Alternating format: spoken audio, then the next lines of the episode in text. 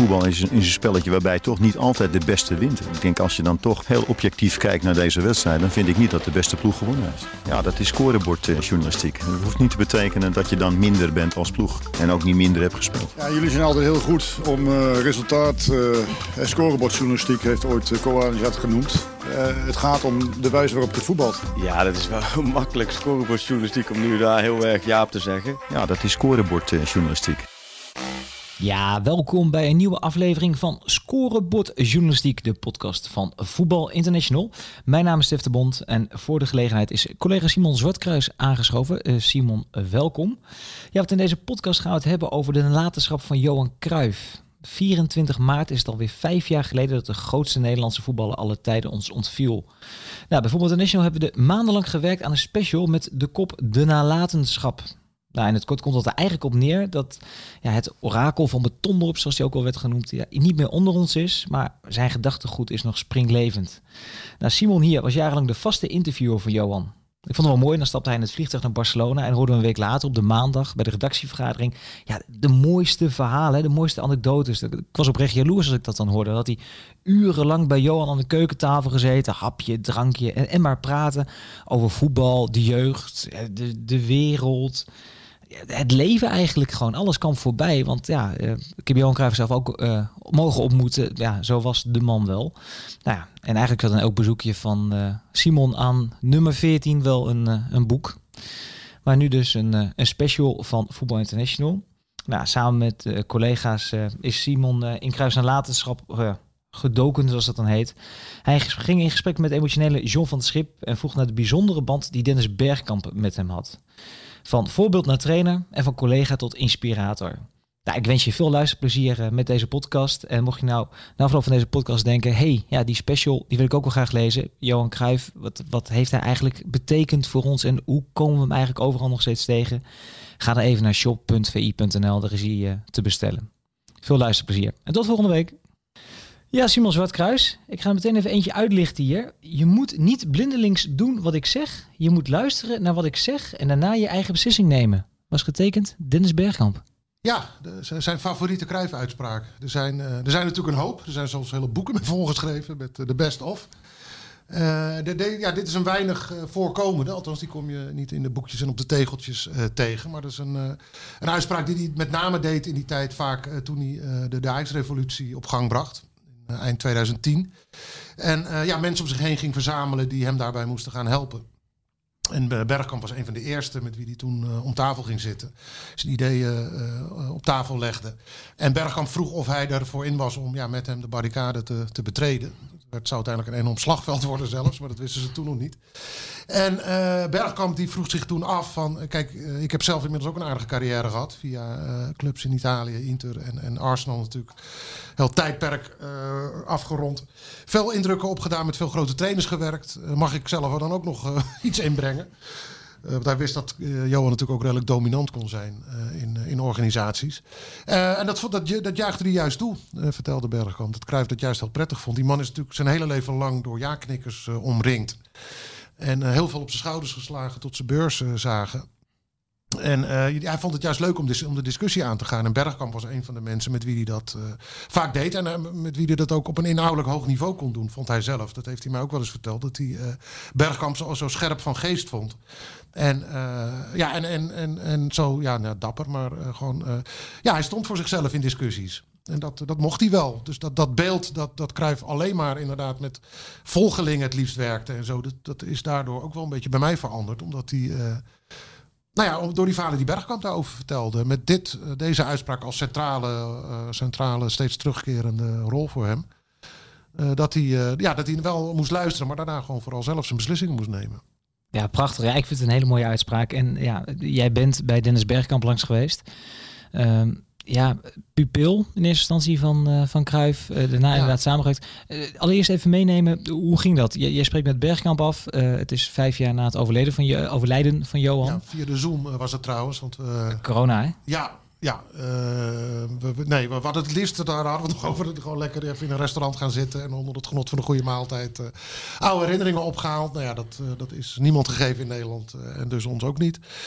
Ehm, en toen besloot ja, gewoon, gewoon per, per Zoom, dan kun je elkaar nog aankijken. En, ehm, hij wilde er wel even over nadenken toen ik hem benaderde. eh, omdat hij. eh, het, is, het is op een hele ver- vervelende manier geëindigd, die Ajax-revolutie, voor vrijwel alle betrokkenen. Eh Bergkamp zelf ook, hè, die is natuurlijk ook op, straat ge, gekieperd op, op zeker moment, na het overlijden van, van Johan.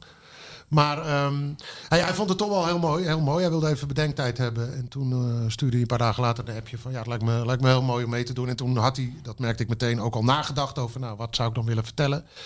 En toen hebben we afgesproken. En eh, ja, uiteindelijk, ik geloof iets van anderhalf uur eh, non-stop...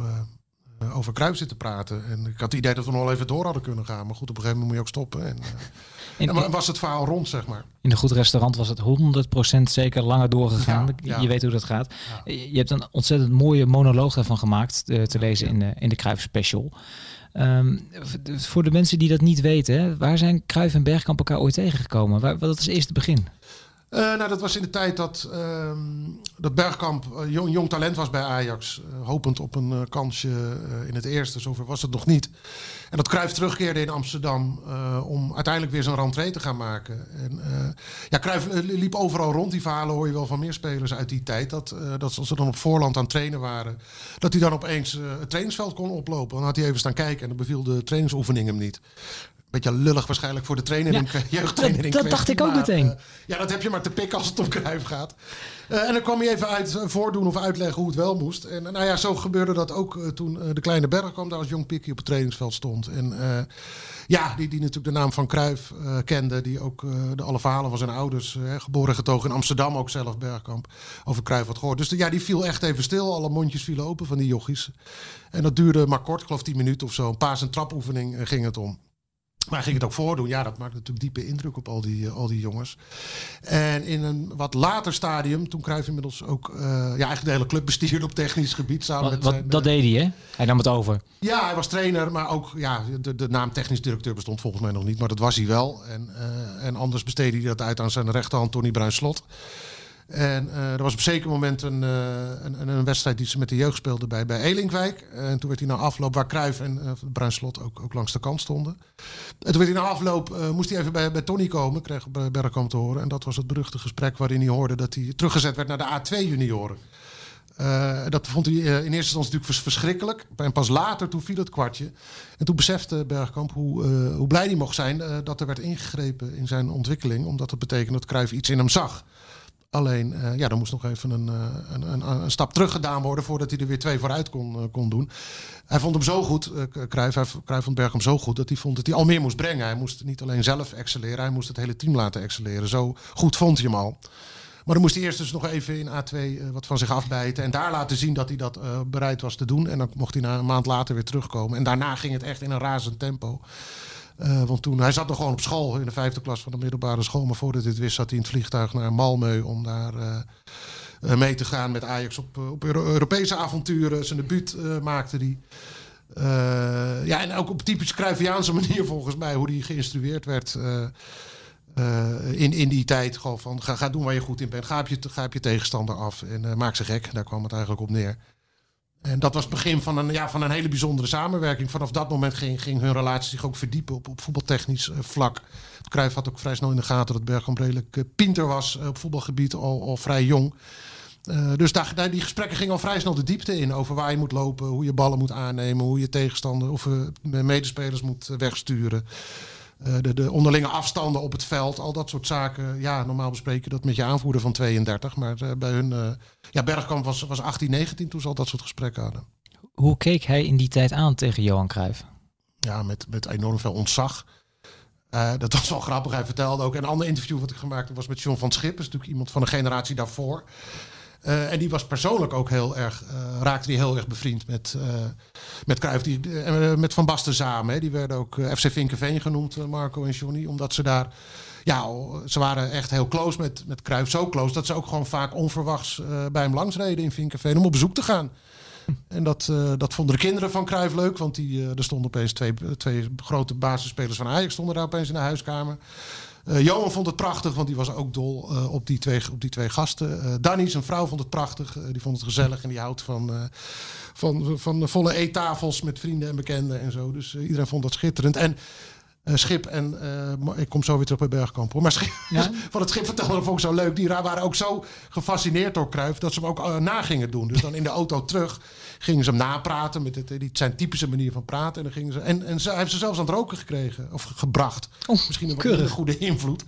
Maar ze vonden, het zo, ze vonden zelf dat hij bijzonder rookte. Dus dan gingen ze nadoen hoe Cruijff, terwijl hij, uh, terwijl hij die rook uitblies, bleef hij doorpraten. Wat, wat hele, ja, hele rare wolkenformaties zeg maar, uit zijn mond deed komen. En dat probeerden ze daarna te doen. Dus ook pratend roken, wat ze hoestbuien opleverden. Zo. Maar zover ging hun fascinatie voor, uh, voor, voor Cruijff. Um, dat ze hem na gingen doen. En wat, ja, die vriendschap bracht ook met zich mee dat zij met je aanspraken en met Johan. En dat, dat, dat, begreep de piepjonge Bergkamp toen hij bij die selectie kwam op een gegeven moment. Begreep er helemaal niets van dat je de grote Kruif met je aan, aan durfde te spreken. Dat, uh, dat heeft bij hem uh, jaren, jaren, jaren geduurd. Eigenlijk pas in die tijd dat ze, uh, dat ze samen op de barricade gingen voor de Ajax-revolutie. Toen is hij hem, stapte hij af van het meneer Kruif. en ging hem Johan noemen en je. Maar hij zei heel vaak ging dat tussendoor nog steeds in u en meneer Kruif. En dan zei Johan, ja vergeet dat nou eens, ik ben Johan. Prachtig. Maar dat, dat geeft wel aan uh, hoe, ja, hoe groot dat ontzag uh, was. Ja, en die, die tussenliggende periode, ze werken dan samen bij Ajax, met Bergkamp uh, gaat Europa door, ja. boek successen, Italië, Engeland. Houden die twee dan altijd heel nauw contact? Of hoe, hoe zat dat? Nou, niet eens. Er, er zaten ook periodes van jaren tussen dat ze elkaar niet uh, spraken. En als ze elkaar dan weer wel spraken, dan was het ook meteen weer alsof ze elkaar de dag ervoor uh, wel weer gesproken hadden. Dan pakten ze meteen die draad weer op en dan konden ze letterlijk uren uh, uh, met elkaar praten. Nou, dan weet ik uit eigen ervaring van mijn bezoeken aan Cruijff in Barcelona dat je inderdaad, uh, dat klinkt heel raar dat je acht, negen uur uh, non-stop met iemand aan het praten bent. Ja, wel met af en toe een hap en een slok tussendoor. maar daar kwam het eigenlijk wel op neer. En na, na, na acht, negen uur praten met Cruijff was je eigenlijk nog steeds niet klaar.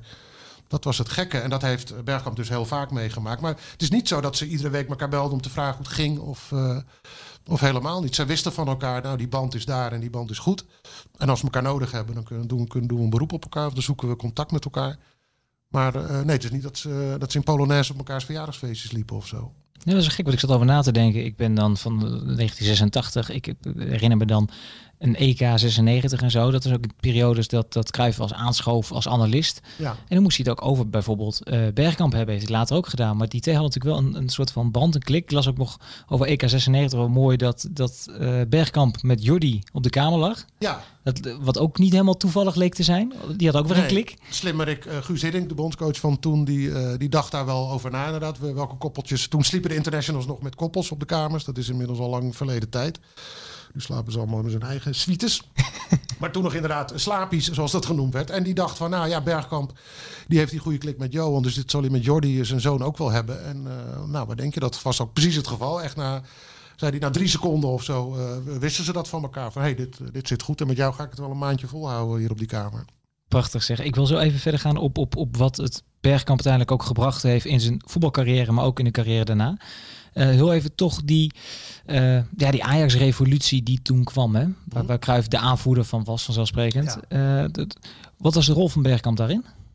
Nou, van, van, van aanjager in het begin. Hè. Hij, ehm, uh, volgens mij, ja, hij was dus een van de eerste die, die echt uh, door Cruijff benaderd werd. En toen zijn ze dus uh, meer mensen bij elkaar gaan zoeken. En hij was wel een, echt een eerste aanspreekpunt, zeker in die beginperiode voor, voor Cruijff ook. Die moesten het, of die moest, maar die deden het natuurlijk vanaf afstand, hè, vanuit Barcelona vaak. Hij kwam al regelmatig over naar Amsterdam. Maar hij moest natuurlijk wel mensen op de grond hebben daar, daar in Amsterdam. Nou, dat werden Bergkamp en Wim Jonk. Wim als hoofd jeugdopleiding. Bergkamp in een soort, uh, ja, die, die had een, ja, een portefeuille waar meer, meerdere uh, taken in zaten. Hij volgde Danny Blind op als assistent-coach bij het eerste. Hij uh, ging in dat technisch hart zitten, dat was, was natuurlijk van groot belang. dat, dat, ja, dat voetballers de baas werden bij Ajax, over het technisch beleid sowieso. En, en de, de algemene directeur en de marketingdirecteur en zo, die moesten volgen en faciliteren. Nou ja, dus in het voetbalhart ging hij zitten. En hij moest dan zorgen dat hij doorstroomt vanuit de jeugd naar het eerste elftal. Dus hij kwam ook eigenlijk nog tussen Jonk en uh, Frank de Boer, hè, de nieuwe hoofdtrainer, uh, te zitten. Om te zorgen dat talenten uh, vroegtijdig werden klaargestoomd. Dus dat was een, ja, wel een, vrij belangrijke en, pittige functie. Die in het begin ook nog wel onduidelijk was. Hè. Ze, het duurde lang voordat alle bevoegdheden op papier werden gezet. Dat is achteraf gezien ook wel een van de, van de oorzaken van het kwaad geweest, volgens mij. Dat mensen toch in elkaar zwaarwater gingen zitten. Dat ze verantwoordelijkheid na, verantwoordelijkheden namen over ja, beslissingsgebieden waar ze helemaal niet over gingen. Uh, het zijn natuurlijk allemaal wel mannetjes die inderdaad wel uh, die de kleedkamer gewend zijn. Cruijff dacht altijd dat dat alleen maar uh, een positief iets zou zijn. Een sterktepunt, hè, want dan weet je waar het om gaat. Maar je weet ook hoe je elkaar de waarheid kan vertellen. En dan ben je niet bang voor een pittige discussie. Maar ja, het was af en toe ook wel de zwakte van die organisatie. Om, juist omdat het jongens uit het veld waren die ja, die waren niet zo gestructureerd dat alles heel goed op papier was gezet. Van wie moet nou eigenlijk wat doen en wie is nou waar verantwoordelijk voor. Uh, dus ze gingen nog wel eens bakkeleien. Bijvoorbeeld nou, als het om aankopen ging of zo. Dan vond uh, Jong bijvoorbeeld dat er in de jeugd een, een, talent op die plek bijna klaar was om gebracht te worden. En dan vond Overmars nee. Maar dat duurt nog een half jaar en dat is te lang. Kunnen we ons niet veroorloven. Dus we gaan huren of we gaan kopen. Nou ja, dat soort discussies waren, vonden voortdurend plaats. en dan had je ook nog de grote lijnen. Waar ze op een gegeven moment ook over clashten. En dat was met, het ging met name, begon allemaal om de jeugdopleiding die een, een push moest krijgen. En, en Jonk en Bergkamp raakten daar ook over uh, stevig in conflict. Hoe je dat nou precies moest invullen. Om dat even heel kort te schetsen. Uh, heel zwart-wit, denk ik. Maar goed, anders zitten we hier morgen nog. Uh, Jonk die besteedde heel veel aandacht aan, ook, ook aan het hele omveld. Hè, aan, aan de performance coaches, zoals die genoemd werden. Uh, en die werden van Bergkamp op een gegeven moment te belangrijk en te leidend. Die, die gingen bepalen of een jeugdspeler bijvoorbeeld kon spelen dat weekend of niet. Die kwamen dan met grafieken aan van nou nee, hij heeft nu deze belasting gehad. En als hij nu weer 90 minuten gaat maken, dan uh, krijgen we daar problemen of daar. Dit doet een beetje denken aan uh, een Rogger Smit bij PSV. Ja, nou, daar, daar heb ik wel eens een paar keer aan, aan teruggedacht. Ja, als ik die discussies, de huidige discussies bij PSV hoorde, dan moest ik wel eens, moet ik wel eens denken aan die discussies die bij Ajax uh, in die tijd uh, plaatsvonden. En Bergkamp die stond dan meer, die huldigde meer de mening dat je, dat je jongeren veel meer aan kunnen dan je zou denken. En dan de tabelletjes ook aangeven. Dus die was juist voor het opzoeken van hun fysieke grenzen en zo vroeg voor de leeuwen gooien. Op hele jonge leeftijd al met de A-selectie laten meetrainen, zodat ze daar gehard werden. Uh, en dan via Jong Ajax, uh, de, de, eerste divisie, je daar nog even een half jaar voor je poten laten schoppen in Os en, uh, Leeuwarden. En, en, Maastricht en Leeuwarden. ja, en dan, nou ja, dan moet je het op het, op het hoogste niveau wel laten zien. En dat was, dat was ook wel Kruif. Ik wil zeggen, dat, dat klinkt mij heel erg als lijn Kruif. Het, nou, het stomme is dat, dat allebei de dingen uh, voortkomen wel uit de visie van Kruif. Want, want Kruif wist, kende zijn eigen tekortkomingen. Die wist dat hij, dat zei hij heel vaak, hè, ik ben een jongetje uit Betondorp met, met alleen maar lagere school. Dus je moet niet van mij verwachten dat ik op, basis, op, op, op, fysiologisch gebied van alles weet. Of op medisch gebied. Of, en wat je dan moet doen, is de allerbeste mensen op dat vakgebied naar binnen halen. En dat is wat bij Ajax op een gegeven moment ook gebeurde. de voetbal Kant vond dat te veel. Hè? Dus die, die, die performance coaches werden te, te dominant. En Cruijff, die, ja, die heeft er eigenlijk altijd een beetje... is die daar in het midden uh, gebleven. Die, die was van en-en. Alleen... Um, hij ging er ook vanuit dat deze conflicten die steeds hoger opleiden en tot steeds meer irritaties leiden en ertoe leiden dat Jong bijvoorbeeld niet meer bij de technisch over, hartoverleg kwam. En nou, dat ging van kwaad tot erger. En, en Cruijff heeft eigenlijk tot, tot het bittere einde gehoopt dat, dat zij er onderling uit zouden komen. En hij heeft ook nooit partij willen kiezen. Hij heeft wel partij gekozen tussen de voetbaljongens en, uh, en de directie en uh, de RVC met name. Uh, de, ja, de stropdassen noemde hij die. De voetballers en de stropdassen? Die, ja, ja, en de, de, de stropdassen die hebben te weinig gedaan om die ruzie uh, in goede banen te leiden. Uh, uh, dus die, die kregen de verwijten van Cruijff. Maar hij heeft nooit gekozen tussen of Jonk of Bergkamp of Overmars of, of Jonk of zo, weet je wel. Dat, mm -hmm. dat wilde hij niet. En nogmaals, hij vond ook dat ze dat zelf moesten oplossen. En dat is, dat is niet gebeurd. En toen, toen, ja, toen klapte het. Toen klapt het. Wat, wat heeft het uiteindelijk met de relatie tussen Bergkamp en Cruijff gedaan? Heeft dat iets gedaan of zeg je van totaal niet? Nee, nee, nee. Dat, dat wederzijds respect is altijd gebleven. Uh, ik, heb, ik heb ook, ook als ik daar Cruijff off the record naar vroeg, uh, want ik dacht ook wel eens, het is, het is toch pijnlijk, ook voor jou weet je wel, dat jouw beschermelingen, zeg maar, die gaan nu rollenbollend over straat. En ja, dat is niet leuk. Dat is niet zoals het allemaal bedoeld is natuurlijk. Maar dat, ja, hij heeft, hij heeft hun dat nooit verweten. En ik weet nog de laatste keer dat ik bij Cruijff was. Toen, hebben we het ook, zeg maar, ja, niet voor een interview, maar toen kwam Bergkamp weer te sprake. En toen, ja, toen was hij net zo enthousiast als, als voor, voor al dat gedoe ontstond. Dus hij heeft, dat heeft daar geen invloed op gehad. Nee, nee. Dat, dat is mooi, hè? Dan is die, die band en het respect is zo groot voor elkaar dat er zullen vast wat kreukels zijn geweest. En vast wel momentjes dat ze toch wat, dat proef ik ook uit jouw verhaal, dat het respect druipt er vanaf voor Cruijff. Dat ja. is ook nooit ook maar iets minder geworden bij Bergkamp. Nee, klopt. Klopt. Terwijl, uh, nou nogmaals, het is allemaal uh, niet geëindigd zoals ze dat, uh, dat hoopten. En Berkel was ook geen type die, zeg maar, in het onderlinge contact, zoals ik het net omschreef, was Jonk. Die, die had veel meer contact over voetbaldingen en over de dagelijkse gang van zaken bij, bij Ajax en zo. En die was samen met Ruben Jonkind. ja, die, die, die stonden wat dat betreft dichter bij Cruijff, omdat bijvoorbeeld Jonkind ook een van de schrijvers van dat plant Cruijff is, is geweest. Berg, maar Bergkamp aan de andere kant, die heeft op een gegeven moment ook toen hij vond dat het niet de goede kant op ging, ook niet met de jeugdopleiding, die heeft toen ook een epistel gemaakt. Uh, en dan Michael Kinsberger meegegeven, de toenmalige algemeen directeur, die naar Barcelona ging om te kijken hoe die hele ruzie bij Ajax gelijmd kon worden.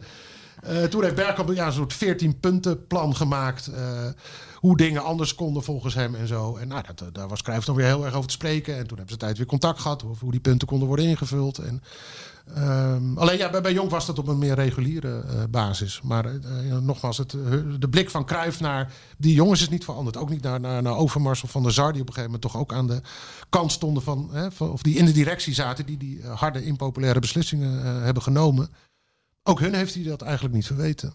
Nee, het past bij, de, bij zijn karakter volgens mij. Dat, niet iemand die graag ruzie zocht. Nee. Nou ja, op zich wel. Maar nee, maar niet, niet als in haatdragend of, of nadragend volgens pick, mij. Pick your battles, hè? Dat, uh, dat is wat hij vrij goed kon. Ja, ja precies. Jij schrijft uh, Dennis Bergkamp de Kruif Apostel daarmee suggereren we eigenlijk ook dat het een volgeling is en iemand die ook iets gedaan heeft met het woord apostel komt niet van mij trouwens. Dat, ik zag wel dat het in de, in de, in, of in de inhoudsopgave stond, maar nou, dat heb ik niet gebruikt. Bij, bij deze de totstandkoming van een uh, magazine van een verhaal gaat op deze manier. Simon levert een verhaal aan. En vervolgens moet je hopen dat de eindredactie en alle anderen het zo noteren. Maar nou, maakt niet uit, dat is het proces. Uh, een volgeling, of in ieder geval een, een liefhebber van de, de het gedachtegoed van de mens.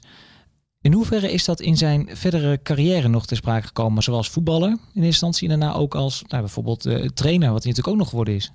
Ja, nou ja, de, zeg maar, het zat op een gegeven moment bij Bergkamp zo erin gebeiteld dat hij, uh, hij keek ook uh, met een kruifbril naar het Europese voetbal eigenlijk. En toen hij um, bij Inter wegging, toen, toen waren er behoorlijk wat clubs die belangstelling voor hem hadden. Um, en, en, Arsenal had sowieso altijd wel, wel, zijn interesse. En het werd voor hem helemaal interessant uh, toen Wenger daar uh, trainer werd. Want die, was, die kwam van Monaco. En Monaco was uh, een van de twee clubs die volgens Bergkamp op dat moment in die voorgaande jaren Cruyffiaans voetbal speelde. dat was hem opgevallen en dat, dat, dat triggerde hem al. Dus die Wenger, die, dat, dat vond hij een hele interessante man. Die andere club was trouwens gewoon Ajax. Dus ja. zo weinig navolging had het op dat moment kennelijk in, in Europa. Dus uh, nou, dat even om aan te geven dat, hij, dat dat zijn manier van kijken naar voetbal wel ernstig al beïnvloed uh, had. Uh, in Engeland is daar wel een, een, een of in Italië ook trouwens. Op een gegeven moment gaat er een saus overheen en, en kom je tot een soort mix van verschillende stijlen uit een pikje. Nou ja, dan, en zo ontstaat je eigen visie waar we het aan het begin van het gesprek over hadden. Maar hij is wel zelf altijd blijven kijken. Ook laat, toen hij later als individuele trainer bij Ajax aan de slag ging.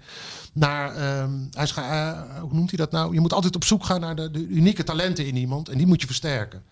Zelf vond hij dat aan Cruijff een van de allergrootste pluspunten van Cruijff als trainer. Dat hij zei, ik heb bijna alleen maar trainers meegemaakt die, die altijd lopen te mekkeren over wat er niet goed gaat en wat spelers moeten verbeteren. Uh, zei, en dat, dat klopt dat dat ook heel belangrijk is.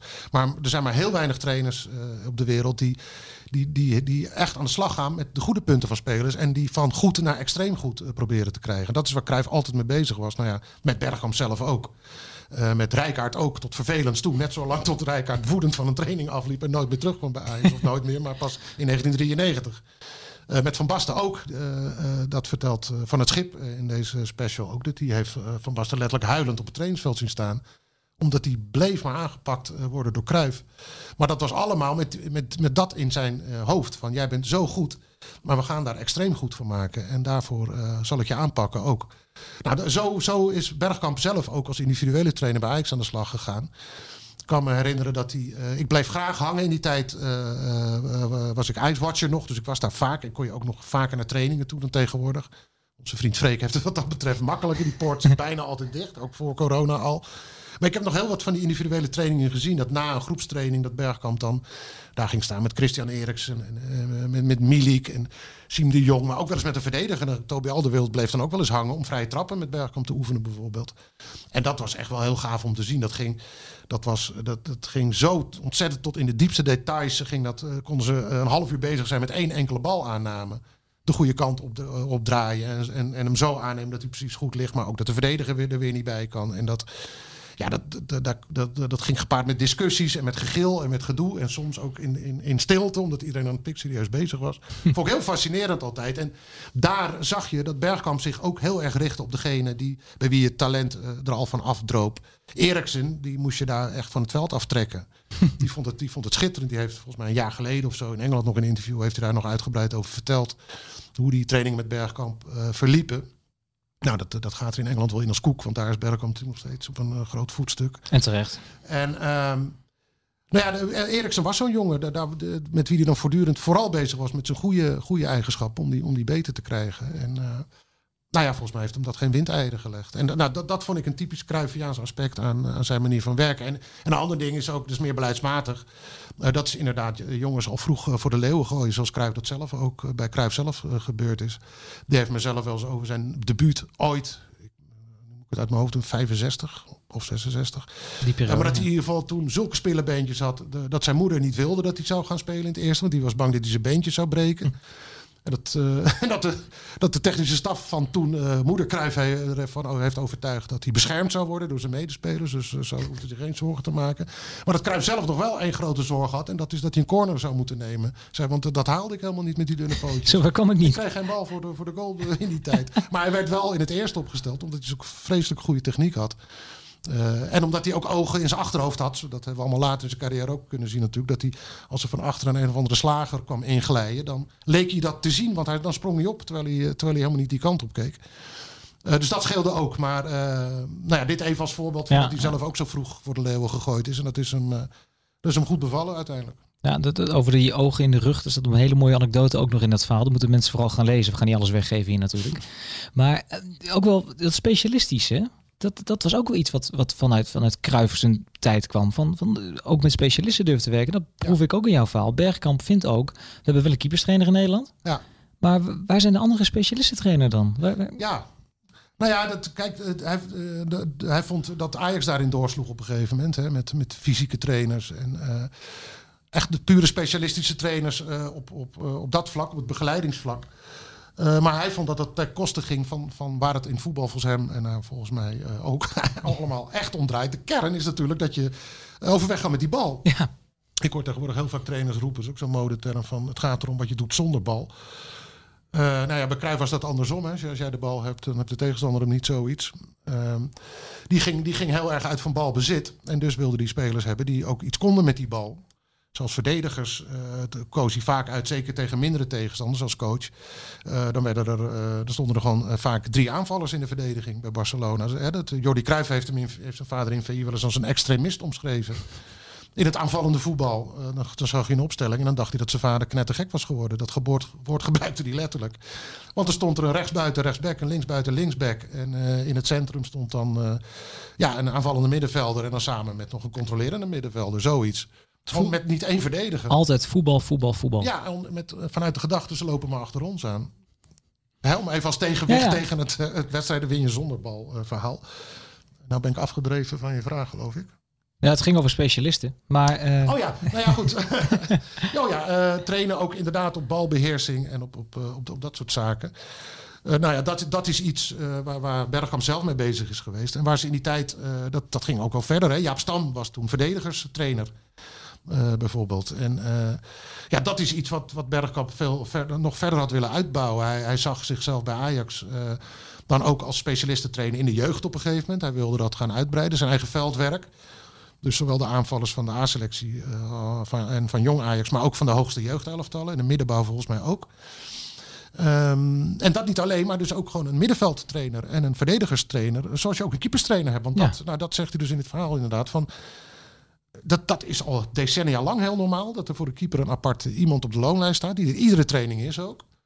En uh, waar, waarom in godsnaam niet voor de rest van, van het elftal? Ja, maar het, het zet mij ook wel aan te denken, Simon. We hebben hier in deze podcast ook wel eens een keer een ingooicoach gehad.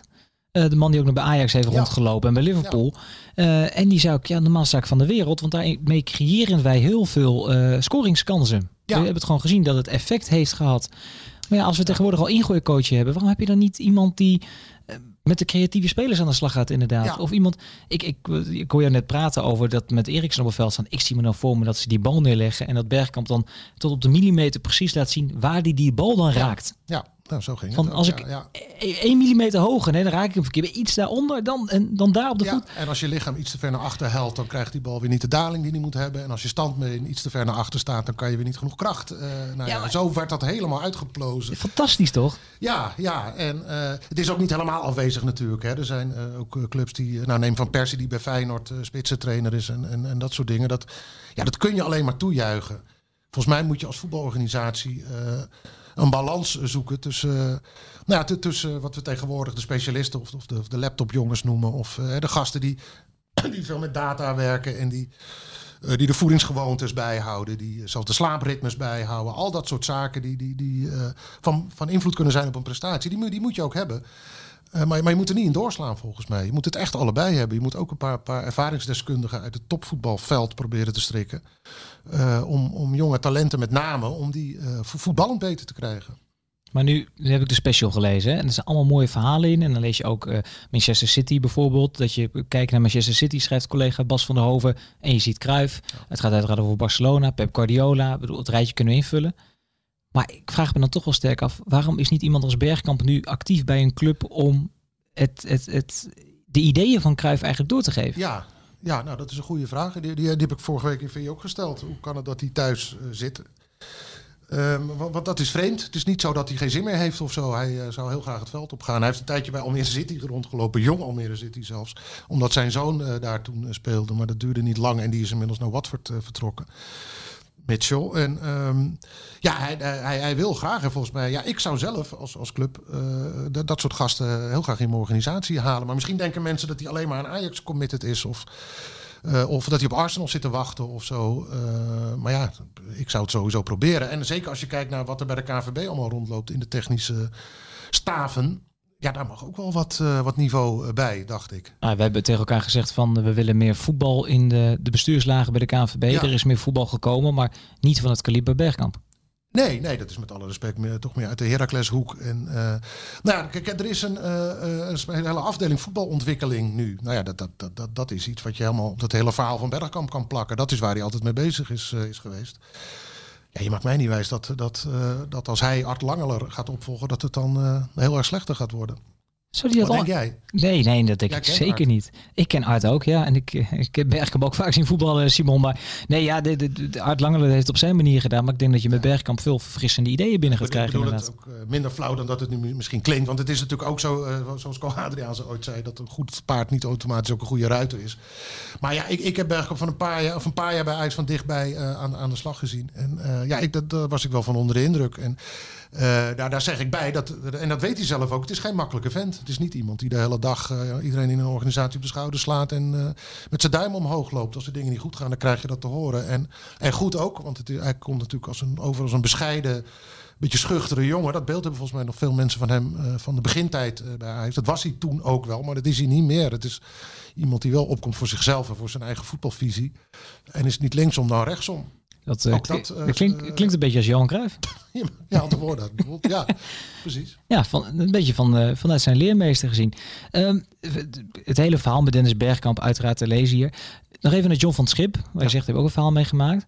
Ik, ik werd er bijna een beetje emotioneel van. Ja. Het, het raakte me echt. Ja, nou hij zelf ook. En, en ik zelf ook, eh, moet ik toegeven. Dat, eh, dat, dat is een beetje het verschil. Even om het verschil tussen die twee interviews te schetsen. Met Bergkamp gaat het veel over de, de, de speler Cruijff en de, de trainer Cruijff en de inspirator Cruijff. En eh, ja, Jo- John van Schip was echt, echt, was echt een close vriend van, van hem. En eh, ja, die, die vertelt daarover op een manier, dat, dat komt ook echt, echt binnen of zo. En ik, ik merk aan mezelf ook, ook toen we tegen de- deze special gingen maken ook weer. Ja, ik weet niet, op een of andere manier ontroert het me allemaal nog steeds. Wa- alles wat met die man te maken heeft. En zeker als zo iemand als Van Schip erover gaat vertellen. Over, want dat interview gaat vooral over hoe was hij als persoon en hoe was hij, was hij als vriend.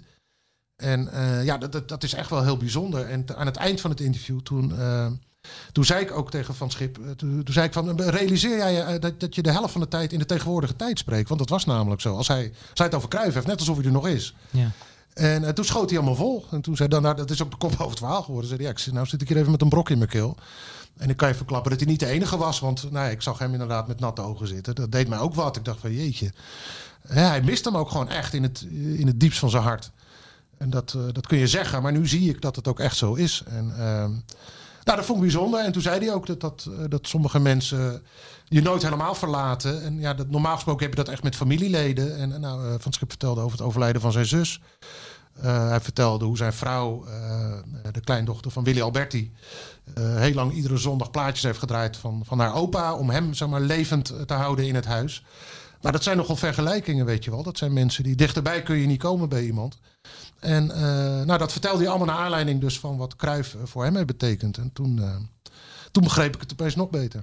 Ja, want dat ga ik toch. We gaan hier altijd in op het verhaal achter het verhaal proberen we. Jij bent, en we hebben eerder een podcast ook al eens over gehad. Tientallen keren. Je bent bij Cruijff geweest, hebt met hem gesproken, verhalen met hem gemaakt. Ik heb zelfs de indruk dat het jou na vijf jaar ook wel wat doet, Simon. En nogmaals, wij zijn zo objectief als wat. We hebben geen voorkeuren, maar het is toch iemand met wie je al die uren samen hebt gezeten. Ja, en, eh, en daar had ik het ook over met Van Schip. Het is bij hem, eh, en dat beaamde Bergkamp ook trouwens, dat eh, het bijzondere aan hem is dat het is natuurlijk iemand die nou ja, over de hele wereld gekend is, de grootste Nederlander, de bekendste Nederlander aller tijden. Eh, noem het allemaal maar op. Ik weet niet hoe vaak jij houdt van reizen, Stef, weet ik. Ik weet niet hoe vaak jij in verre buitenlanden eh, met die naam geconfronteerd bent, maar in ieder Overal. geval heel vaak. Ja, Eh, dat, dat was de ene kant van het verhaal. De man ook die, die Catalonië zijn trots, zijn trots teruggaf in, in, in, in hele zware tijden.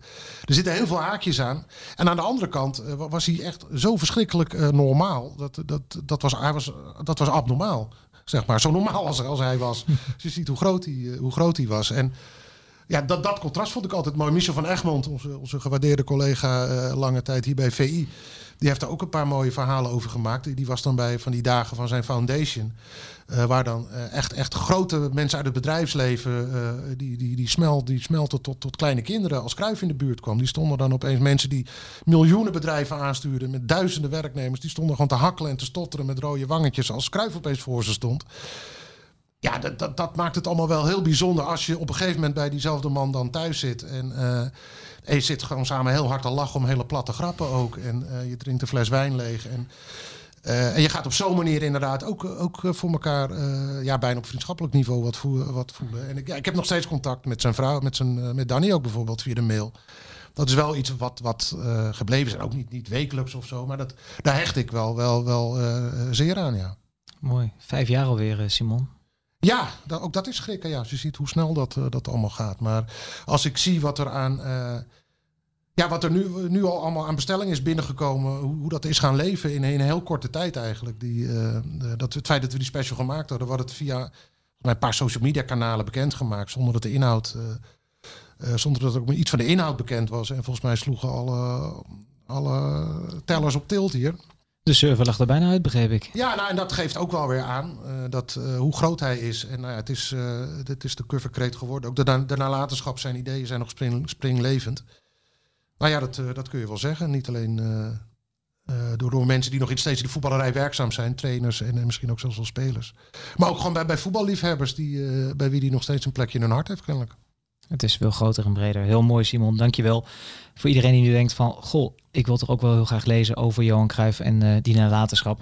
Ga even naar shop.vi.nl. Daar eh, kun je de special kopen. Er staan ook veel meer verhalen in over de periode bij Barcelona. En wat hij daar heeft achtergelaten. Maar bijvoorbeeld ook eh, zijn Feyenoord periode. Kunnen we natuurlijk niet vergeten. Nou, John van het Schip, Dennis Bergkamp. We hebben zelfs even een kleine tijdmachine gepakt... om te kijken wat zou er gebeuren als Cruijff wel bondscoach was geworden.